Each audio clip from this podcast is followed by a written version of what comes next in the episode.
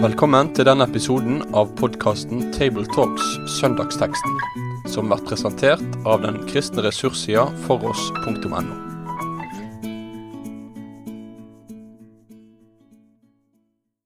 Da ønsker jeg oss velkommen til en ny episode i podkasten Tabletalks og på nettsida foross.no. Det er Stavanger-gruppa som er samla igjen, og her finner du Øyvind Solheim, som er forkynner i Norsk Luthers Misjonssamband i Region Sør-Vest. Det er Erling Lundeby, som er arkivleder i NLM og IKF-pastor. Og det er meg, som heter Jan Helge Aarseth, som er lærer på Fjelltun bibelskole. Denne episoden så har vi fått en tekst som er henta fra Det nye testamentet, fra Matteusevangeliet kapittel 6, vers 19-24. Da skal jeg lese den. Samle dere ikke skatter på jorden, hvor møll og rust tærer, og hvor tyver bryter inn og stjeler. Men samle dere skatter i himmelen, der verken møll eller rust tærer, og tyver ikke bryter inn og stjeler. For hvor din skatt er, der vil også ditt hjerte være. Øyet er legemets lys. Er ditt øye frist, da vil hele ditt legeme være opplyst. Men om ditt øye er sykt, da blir hele legemet mørkt. Er nå selve lyset i deg mørke, hvor dypt blir det mørke? Ingen kan tjene to herrer, for enten vil han hate den ene og elske den andre, eller han vil holde seg til den ene og forakte den andre. Dere kan ikke tjene både Gud og mammon. Det er jo en tale som har fascinert folk til alle tider, forundra folk og til dels forskrekka folk, provosert folk. For det er radikal forkynnelse av Jesus. Men det som slår meg veldig sterkt, er med den myndighet og autoritet Jesus snakker. Det slås òg fast i forlengelsen av talen at han talte med myndighet, ikke som de skriftlærde tilhørende merka at her var det en som talte som hadde en annen myndighet. Og han sier ved flere anledninger, understreker, dere har hørt det sagt, men jeg sier dere. Han stiller seg i en posisjon som ingen andre kan stille seg i. Og det gjør det ekstra spennende å lytte til, til, til denne talen. Og Han åpenbarer vel også på en måte den indre kjerne og den, den virkelige sannheten når det gjelder Guds lov og vilje. Eller dette med, med, den, med den, ultimate kjærligheten til Gud. Uh, og Der vet vi at fariseerne hadde på en måte lagd sine, sine rammer og sitt regelverk som de følte de klarte å passe inn i. Men Jesus han, han, han skreller vekk det, og han, han, på en måte, du står tilbake med den ekte kjærligheten. Og det, det, det rammer oss rett i hjertet som menneske, egentlig. Da jeg var yngre, så husker jeg det at uh, den voldte meg stort problem på den måten at jeg var, jeg var, grunnleggende usikker på hvordan jeg skulle ta Jesu ord. Eh, fordi jeg tror jeg hadde fanga opp det at eh, i den katolske kirken f.eks. så var bergpreika i århundrer sett på som en tale til munker og nonner, og ikke til vanlige kristne. Uh, og en, en, en, følte litt av det at dette her overgår det som en vanlig kristen kan få til. Men samtidig så uh, var en ikke riktig sikker på det. Så jeg husker da jeg kom til fjellet, så var det virkelig til stor hjelp for meg når Tormod Engsviken i sin undervisning satte ting på plass her. Hvor en fikk se hvordan bergprekenen passa inn i Jesu og Bibelens øvrige undervisning. Eh, Matteus har i oppbyggingen av sitt evangelium på sett og vis eh, plassert Jesus som en slags ny Moses. Og eh, Luther han er jo ikke snauere enn at han kaller bergprekenen en slags Moses i opphøyd potens. Moses mosismus. Eh, fordi det er loven som lyder, men også evangeliet. Så det, eh, det hadde jeg lyst til å si. Og en annen ting som jeg slår meg når vi leser eh, konkret vårt kapittel Men før det så, så ser vi hvordan Jesus stiller opp klare alternativer. En slags pedagogisk metode. Snakker om bønn. Det er enten som hykleri eller ærlighet. Bønn videre. Faste. den vil noen ha skal være offentlig, mens han sier den skal være privat. Hjerte, det er enten med Gud eller med jordiske skatter. Øye, lys, mørke. Tjeneste for Gud, det blir enten, eh, tjeneste, det blir enten for Gud eller for mammon. Så det, det, det, det er utrolig eh, lærerikt å se hvordan eh, Jesus underviser og stiller opp eh, konkret alternativer som, som, gjør at en må lande på noe. Det, er ikke noen mellomting i, i, i bergprekenen. Det er det som gjør at den, den, rammer uansett. På en måte så vil jeg si at det er litt skremmende aktuelt. Og jeg, jeg kjenner litt på at jeg blir litt sånn skjelven og redd når en skal snakke om dette, både som kristen og som forkynner.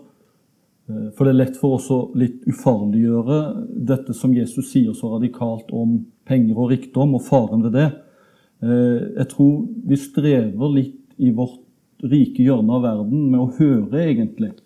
Eller å, å se, for vi er blindet av vår velstand og vår grådighet.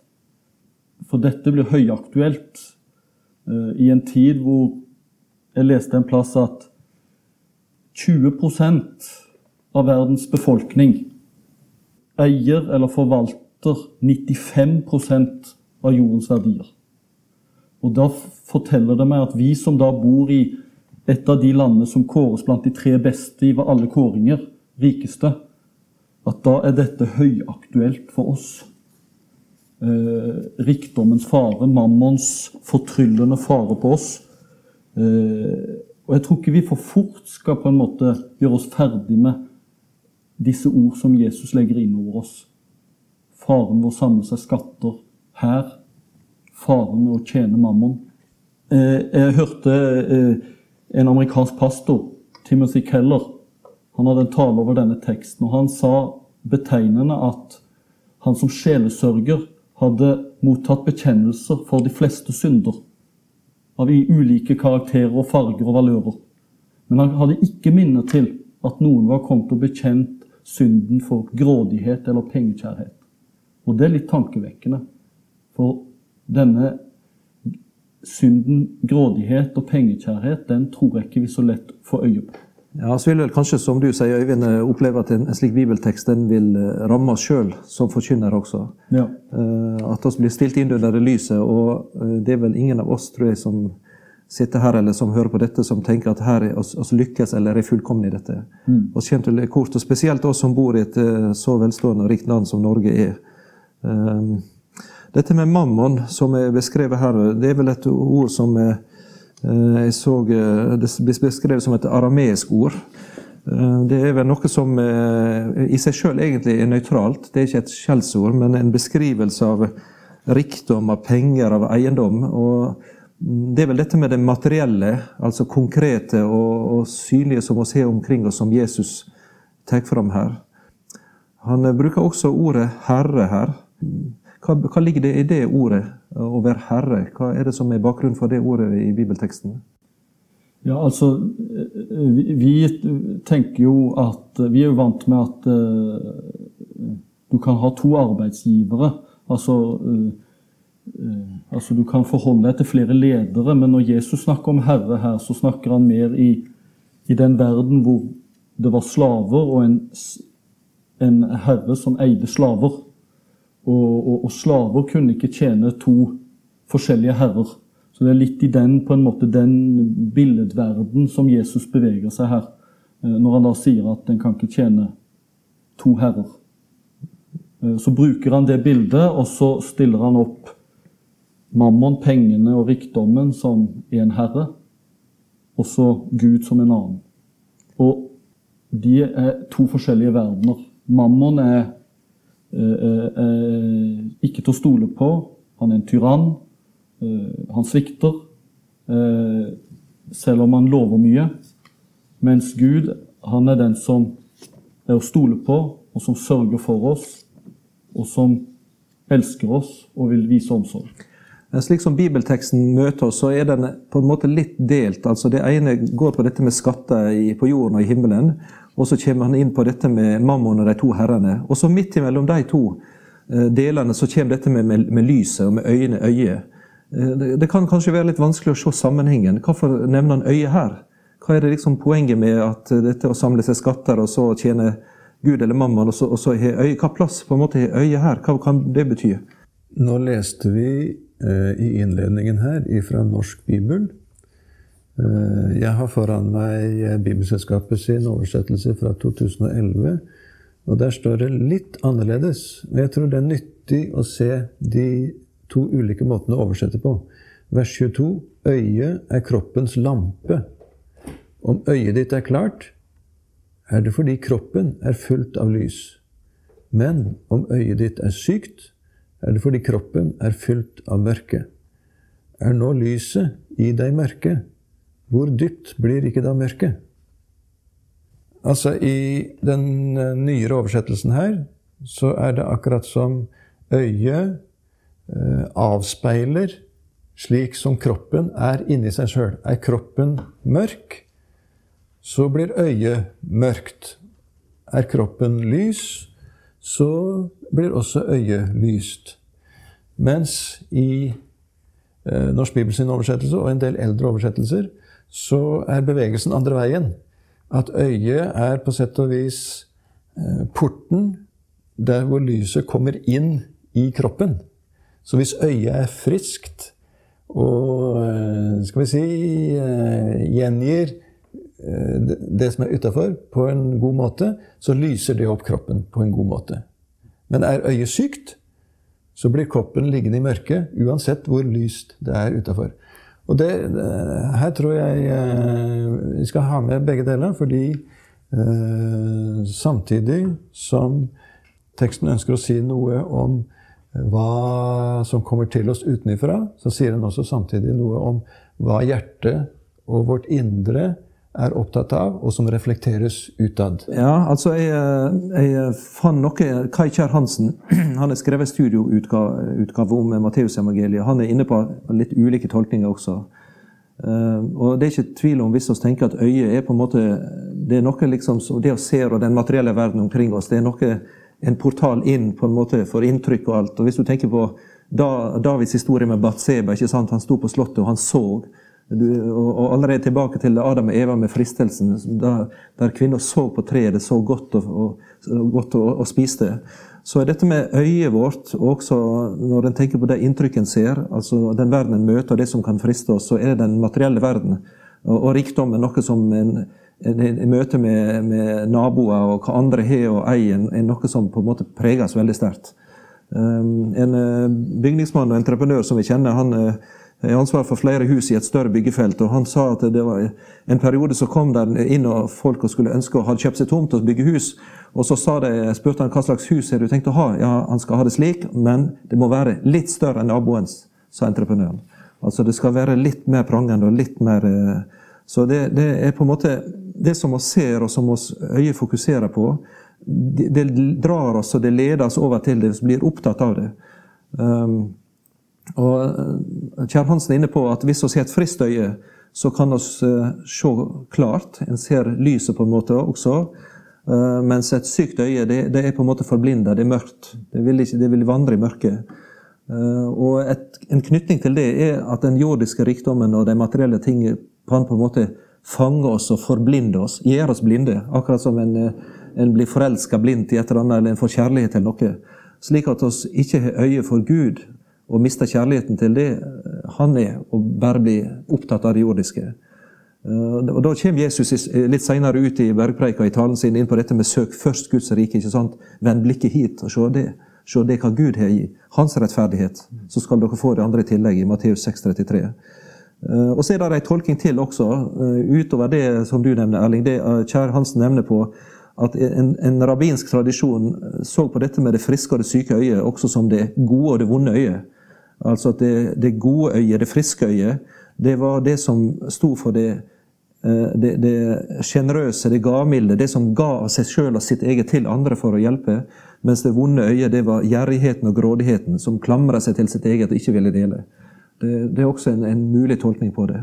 Utover den, eh, den som du hadde også med det, med det indre lyset som ligger der, som, som, skinner ut. Det går jo inn i uh litt eh, allmennmenneskelig eh, psykologisk innsikt eh, og sånn. Også dette her.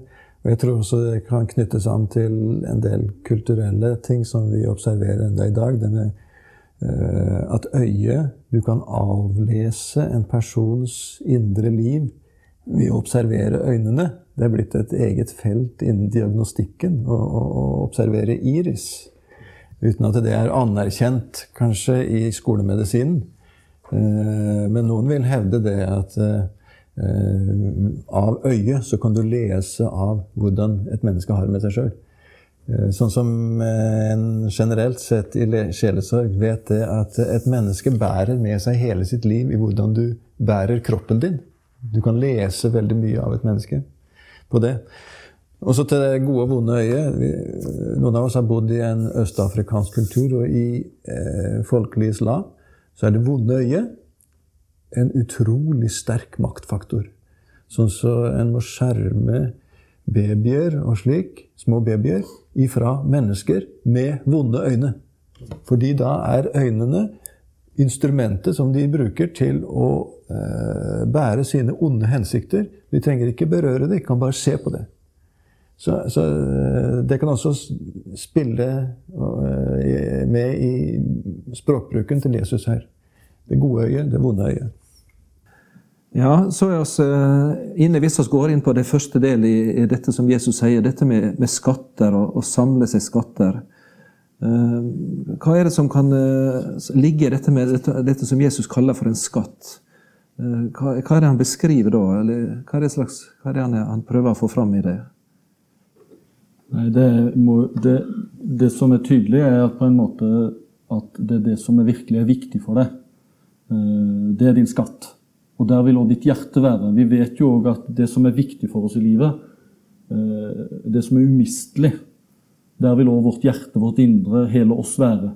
Hvis en hver for seg tenker litt på hva Hvis jeg på en øde øy skulle ha med én ting, så så snakker du om skatten, altså det som virkelig er viktig, for å sette det litt på spissen. Og, og det er da det òg i, i, bibelsk tankegang og kan ta nettopp den plassen som Gud skal ha. Altså at det blir en gud, en avgud. Men når Jesus snakker om skatt, så er det noe som er verdifullt, enkelt og greit. Og det, det ligger jo i ord òg, det som er viktig for oss. Mm og får oppmerksomheten vår og lengselen vår og, mm. og tida vår, kan en tenke. Mm. og alt det som vi ser. Uh, nå kan det vel konkret være veldig mange ting. altså Bibelen, uh, og Når Jesus snakker om skatt her, så er det det kan være alt fra klær til uh, penger og verdier og, av alle ting. Og, og, alle ting kan romme i det, på en måte. Ek eksempelet her, det er jo skatter som møll, eller rust, står det vel da i den andre oversettelsen. Møll eller mark står det i den nye. Ødelegger. Det gjenspeiler jo da at rikdom i den tida, det var f.eks. kostbare klær. Silke, kanskje, eller noe slikt noe. Eh, eller smykker. Eller en overflod av mat. Alt det har sin tid. Så kan det spises opp. Så kan vi jo da bare eh, oversette inn i vår egen tid hva som folk vil investere i, og som de tror gir prestisje, men som også eh, vil forgå, på sett og vis. Eh, men jeg syns det vil være spennende å reflektere litt ut, rundt hva vil det si å samle skatt i himmelen? Hva er det? Den som ikke vil forgå. Den sikre investeringa. Eh, der har jeg sett noen eh, snakker om tro, håp og kjærlighet. Praktisere det. Kunnskap om Kristus. Vokse i nåden, sånn som det står i 2. Peters brev. Eh, noen har konkret tenkt seg at det må være sjeler som du har vunnet for himmelen. Så den er rik, som har mange som en har vunnet for Gud. Tid og penger som du investerer i Guds rikes arbeid. Eh, og du kan investere i andre menneskers liv. Deres, fremme deres karriere, fremme deres åndelige vekst. Det er å samle seg skatter i himmelen. En historie som alltid har fascinert meg, eh, og som jeg eh, først når jeg blir eldre, ser en enorm verdi i. Da jeg leste biografien til John Stott, så forteller han om den personen som var leirleder på den leiren der han ble en kristen. 15 år gammel. Han skrev brev til John Stott hver uke i ti år. Investerte tid. Veiledning, veiledning, veiledning. John Stott hadde ikke blitt John Stott uten Jeg tror han heter eh, Bash. Eh, så der kan en se. Relativt ukjent person, men han investerte tid. Det var en skatt eh, som han, han fikk der. Jeg tror Der får vi liksom et syn for hva som er verdier som aldri vil gå tapt. I apostelgjerningen du finner Barnabas i en sånn rolle som det er overfor uh, Paulus f.eks. Og uh, overfor uh, tenker på det, Markus, som uh, Paulus ikke hadde så veldig tro på. Så han var en oppmuntrer. Han ble vel kalt vel oppmuntringens sønn, tror jeg. Eller formaningssønn. Paulus skriver jo litt etter Timoteus en gang om forhold til, til rikdom, og, og hvordan en kan samle skatter, helt konkret i i 1. Timoteus brev 6, versene 17-19. Du skal pålegge dem som er rike i denne verden, at de ikke skal være overmodige, og heller ikke sette sitt håp til den usikre rikdom, men til Gud, Han som rikelig gir oss alle ting til vårt bruk. De skal gjøre det gode, være rike på gode gjerninger, være gavmilde og gjerne dele med andre. Slik samler de seg en skatt og legger en gud. Rikdommen er usikker, ikke sats på den, men sats på Gud, som har omsorg. I hele bergprekenen i Jesu undervisning så er det jo uh, tanken at, at uh, Gud kjenner til, vår himmelske Far kjenner til det vi trenger. Også av de materielle tingene. Mat, klær, alle disse tingene. Og han kan sørge for det. Istedenfor at vi skal stole på den usikre rikdom, mammon, som lover mye, men som svikter. Uh, men så er det et poeng òg hos Paulus, tror jeg. Dette gode som Gud gir, det er gitt oss til å bruke med glede og takknemlighet. Så, så Jesus mener ikke at disse ting er uviktige i livet. Men så er det det siste som er også som forbryter eh, eh, rikdommens forhekselse og fortryllelse. Det er å være gavmild. Det å gi. Det bryter denne forhekselsen som mammon har over oss. Noen har jo tatt dette med å samle seg skatt i himmelen helt ut. I den tankegangen at hvis du investerer i Guds rike, så vil Gud gi deg velsignelse tilbake her i livet. Så det blir markedsført som om det var et investeringsfond som skal gi deg eh, mangfoldig igjen her i livet. Men da eh, kan jeg vanskelig se annet enn at eh, da har det blitt snudd på hodet. For da er det mammon som ikler seg en veldig åndelig drakt. Eller en tankegang. Eh, og da blir på en måte arbeidet i Guds rike og andre og Guds rike blir midler til å forøke min egen åndelige kapital, eller hvordan skal du beskrive det? Eh, men det, det, jeg tror det er riktig sånn som du sa, Eivind, at uh, gavmildhet uh, uten å forvente at du skal få noe igjen for det. Ja. Uten at du skal forvente å få noe igjen for det. For noen søndager siden så samtalte vi om gjestebudet som Jesus inviterer til. Og der skal du invitere fattige, vannføre, blinde, lamme som ikke er i stand til å invitere deg tilbake. Men det er de du skal invitere. Og det er, og det, er det, som blir skatten din i himmelen, eh, tror jeg. Her er det sammenheng mellom eh, ulike deler av eh, Bibelen. De bruker forskjellig språk, men det er samme tankegangen som ligger bak det. Og, og tanken med, det, med den så- og høste-loven som blir nevnt i, i enkelte kretser, den, Eh, den er vel også knytta til det at en, en, en, da ser på rikdom som liksom den ultimate velsignelse. At hvis du blir veldig rik, så er, det, er du Gud eh, velsigna. Eh, det tar ikke på alvor et slik bibler som det her som snakker om rikdommens fristelse og fare. Og faktisk den, den ulykke som en rikdom kan føre med seg, i tanke på gudsforholdet sitt. Samtidig som det vel også forakter, på sett og vis, en, en, en fattig kristen det er nesten en selvmotsigelse, vil de si. Fordi Gud er rik. Dermed så skal en sunn og sann kristen Han er aldri fattig. For da, da betyr det at Gud er fattig. Eh, og nå er du Erling, og meg og senere har bodd i Afrika en del og så har vel opplevd veldig rike mennesker med tanke på livet i Gud, og, som lever i stor fattigdom materielt sett. En blir skamfull mange ganger når en tenker tilbake på den gjestfrihet, den raushet og den åpenhet de viste, som nesten ikke hadde nåla i veggen. Der har vi mye å lære i, i Norge. Ole Paus har jo sagt uh, uh, treffende på sitt vis vi er blitt et folk som har alt, men det er også alt vi har. Vi tror at vi har så mye, og så har vi egentlig har vi blitt fattige midt i alt. Men ikke minst så var det betegnende en konfirmant som var med på være bøsse for Kirkens Nødhjelp. En, en gjeng konfirmanter. Og så, og så, kom de til et hus, og så sier denne konfirmanten «Eh, Det er ikke noen vits å ringe på her, dette huset, for de er altfor rike. Og når jeg hørte det, så tenkte jeg du verden.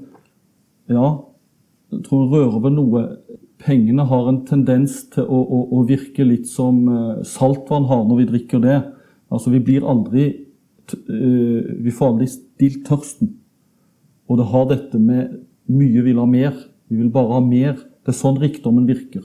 Det er ikke sånn at vi blir fornøyde jo mer vi får. Det er snarere sånn at vi ønsker bare mer og mer.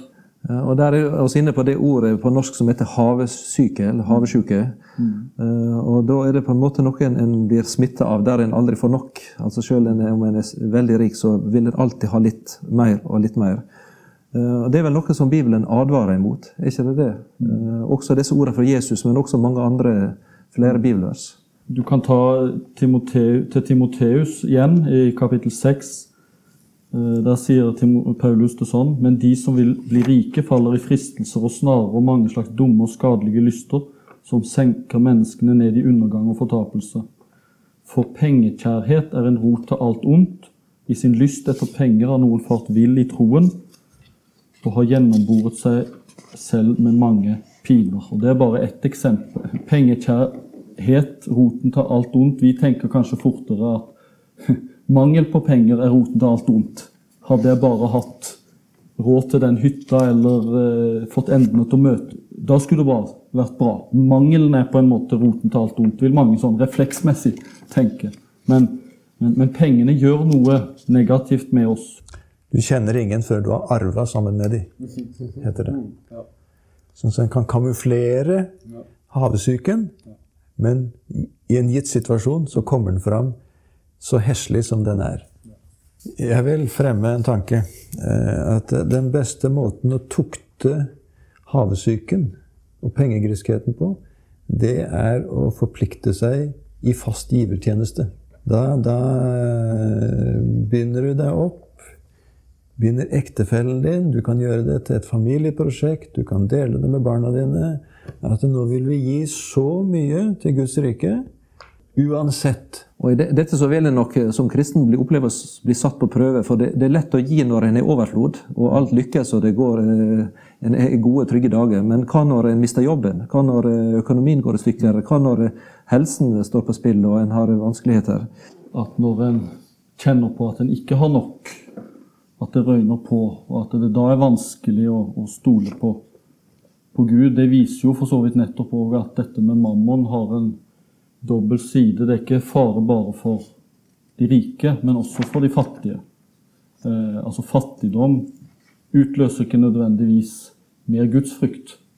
Eh, og Derfor så har, jo, har, vi jo et visdomsord i Salmos ordspråk som viser litt av at både mangelen på rikdom og penger kan forderve oss. For Der står det sånn i Salomos ordspråk 30, i vers, vers 8.: Gi meg ikke armod, altså fattigdom, og heller ikke rikdom. La meg ete mitt tilmålte brød for at jeg ikke skal fornekte deg når jeg blir mett, og si hvem er Herren, og ikke når jeg blir fattig, stjele og forbanne min Guds navn. Der ser vi at, at uh, både rikdom og fattigdom kan gjøre oss umenneskelige. At vi glemmer Gud hvis vi har alt vi trenger, som er stor fare her i Norge. Her glemmer folk Gud. De, de ser ikke hvorfor de trenger Gud. Fordi en selv sørger for mat på bordet, klær på kroppen og hytte på fjellet. Men også de fattigste av de fattige i denne verden. De kan rase mot Gud fordi de ikke har det de trenger. Så, så mammon det gjør noe med oss, enten vi er fattige eller rike. Ja, han oppfordrer jo oss til å søke han og hans rike først. Og sette han som vår Gud, han som vi stoler på. Eh, men poenget er at det er en god herre. Han vil da gi oss alt dette i tillegg, som han sier. For han vet at vi trenger mat på bordet, klær på kroppen, gode opplevelser, familie, trygghet. Så alternativene som settes opp for oss mellom Gud og mammon, er ikke mellom to onder, men det er mellom et onde som er mammon, som svikter, som en tyrann, og så den gode far som vet hva vi trenger, som vil sørge for oss, gi oss det vi trenger. Og Derfor så er det et, et, et godt alternativ, et godt valg, å følge Jesus og tro på Gud. For han er en god far, en trygg far og en som ikke svikter. Ja, Søk da først Guds rike og hans rettferdighet, så skal dere få alt dette. I tillegg, vær ikke, da ikke bekymret for morgendagen.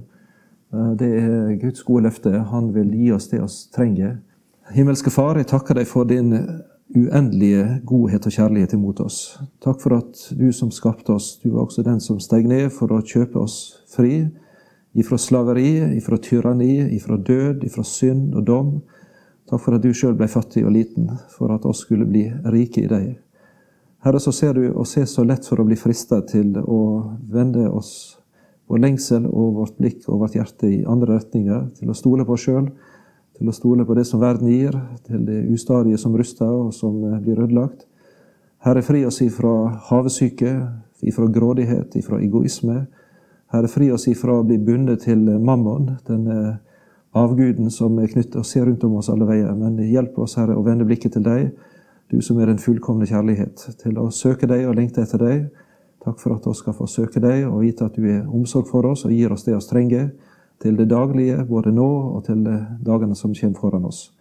Herre, takker deg for det, og hjelp oss her i det rike Norge å leve slik og hjelp også å bruke vår tid, vår økonomi og penger og krefter til å velsigne andre, til å dele, til å være gjestfrie og gavmilde, og til å bruke det vi har for å hjelpe andre fram. Herre, det ber oss i ditt navn. Amen. Med det sier vi takk for følget for denne gang. Finn flere ressurser, og vær gjerne med å støtte oss på foross.no.